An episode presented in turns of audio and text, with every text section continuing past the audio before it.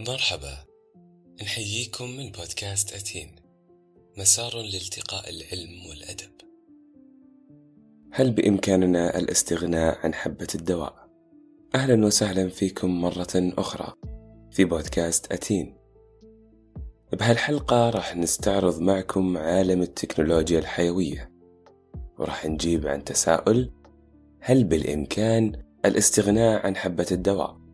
العلاج بالأوبر. العلاج بمشتقات النحل العلاج بالماء والغذاء العلاج الفيزيائي والروحي. جميعها من طرق تعاملنا مع المرض.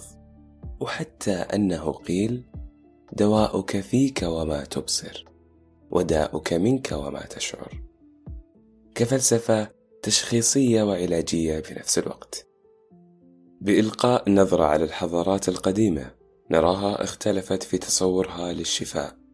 فمرة هي قوة داخل الجسد يمتلكها كل البشر. ولما نمرض نتيجة أي عارض فالجسد يحاول إعلان مرضه بالأعراض التي لا يجوز لنا علاجها لأنها تدل أن الجسد في هذه اللحظة يتشافى. وعلينا فقط مساعدته بإزالة العقبات التي تعيق عملية الشفاء مثل الطعام الغير صحي أو البيئة الملوثة. ومرة نرى مبادئ متطرفة باعتبار أن كل مرض عضوي له منحدر نفسي وروحي فيعتمد الشفاء على معالجة جذور المشكلة وهي العقل والروح فقط. لكن مع تطور العلم ومجال الأعشاب ونشوء الجامعات ومختلف التخصصات الطبية أصبح الدواء بصورته الكيميائية هو الأبرز والأكفأ.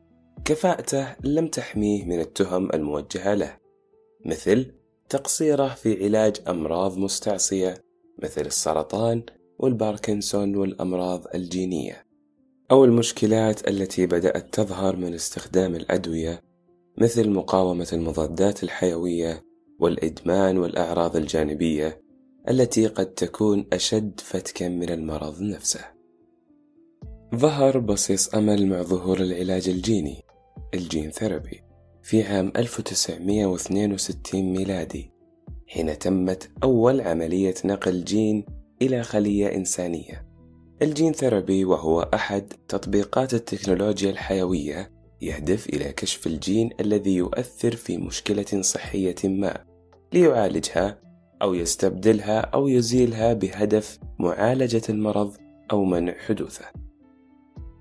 العلاج الجيني لم يبقى حبيس أوراق بحثية ونظريات محتملة بل أصبح واقعا قد بدأ بالفعل في المساهمة بعملية الشفاء وأصبح مجال علمي جديد له روادة الذين يؤمنون بكونه مستقبل العلاج في الأمراض الجينية على وجه التحديد. فمثلا استخدم العلاج الجيني في علاج سرطان الدم وسرطان البنكرياس واستخدم لعلاج جلطات الساق عن طريق إدخال جينات مسؤولة عن التحفيز. تكون هالجينات أوردة دموية تعالج الأنسجة اللي تعرضت لنقص في الأكسجين نتيجة الانسداد في الأوردة. عملية نقل الجين إلى جسد المريض تأخذ أشكال مختلفة. مرة يستخرج الجين ويعالج ثم يعاد إدخاله، أو مرة يدخل جين تمت هندسته مخبريا.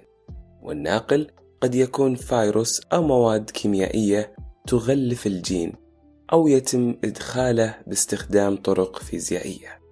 العلاج الجيني يواجه عوائق بداية من الفكرة ووصولا إلى النتيجة. فقد لا يذهب الجين إلى المكان المقصود أو أن يتم هضمه بواسطة حمض المعدة أو أن يكون الفيروس واللي يعمل بمثابة ناقل ليس ضعيفا كفاية فينشط داخل جسم المريض. لكل شخص مننا جينات فريدة لا يمكن أن يتم مطابقتها مع أي شخص آخر بالعالم. ملايين الجينات تعطي أوامرها للخلية لتشكلنا. هذه الجينات التي اكتسبناها من والدينا ومن ظروف البيئة اللي نعيش فيها.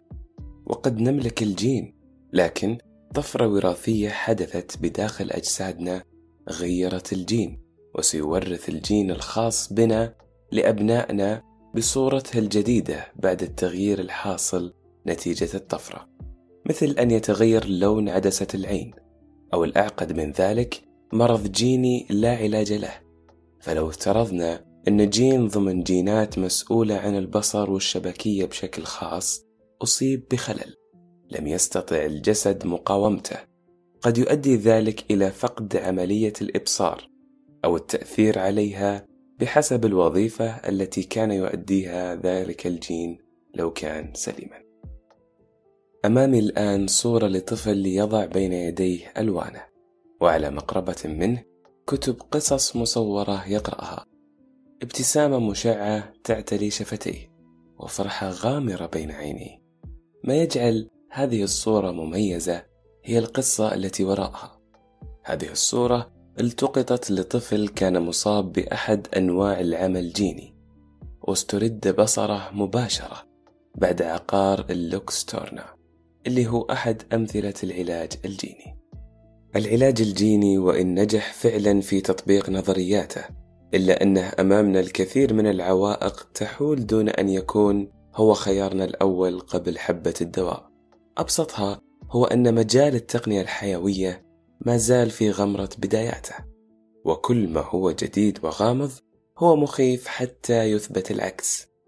أهمها أيضا هو التكلفة اللي تصل إلى ملايين الدولارات وردة فعل الجسم الحساسة تجاه العملية أو الناقل. الناقل اللي يكون عادة فيروسات مضاعفة تستخدم لنقل الجين إلى المكان المخصص ومع ذلك لا يسعنا إلا الاعتراف بأن العلاج الجيني هو سبيل من سبل الشفاء في الوقت الحاضر على الأقل.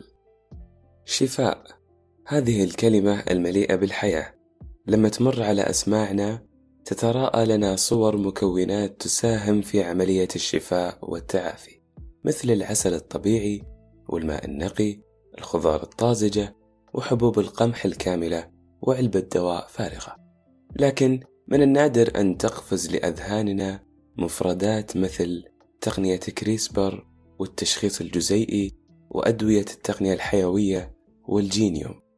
هذه المصطلحات اللي بدأت تغزو عالمنا مؤخرا تعطي أمل في سبر أغوار طرق جديدة نحو الشفاء ونحو الحياة. شفاء حقيقي يحتاج إيماننا حول فاعليته. كنت معكم أنا مشاري السحمان. وكاتبة النص سارة سعد. دمتم بحفظ الله.